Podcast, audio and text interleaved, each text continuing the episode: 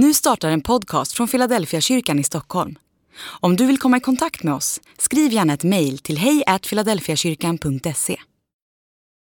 Dag 113 Kosmiska dimensioner Ty Gud försonade hela världen med sig genom Kristus.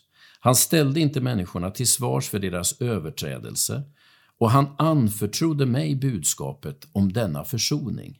Jag är alltså Kristi sändebud och Gud manar er genom mig. Jag ber er på Kristi vägnar, låt försona er med Gud. Han som inte visste vad synd var, honom gjorde Gud till ett med synden för vår skull, för att vi genom honom skulle bli till ett med Guds rättfärdighet. Andra Korintierbrevet kapitel 5, vers 19 till 21. Har du sneglat i en skvallertidning någon gång? Då har du säkert sett bildreportagen från stora fester eller premiärer. Alla verkar vilja vara där och låta sig fotograferas. När jag läser om Jesu lidande och död så får jag nästan känslan av ett bildreportage från en skvallertidning. Alla verkar vara där.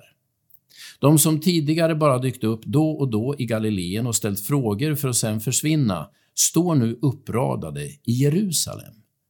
Överstepräster, de äldste, fariseerna, Pilatus, Herodes, romerska soldater och officerare, Jesu mor Maria, lärjungarna, gråtande kvinnor och en botfärdig rövare. Alla är där. Det är ungefär som i en avslutning på en teater. När pjäsen är slut dyker alla medverkande upp på scenen.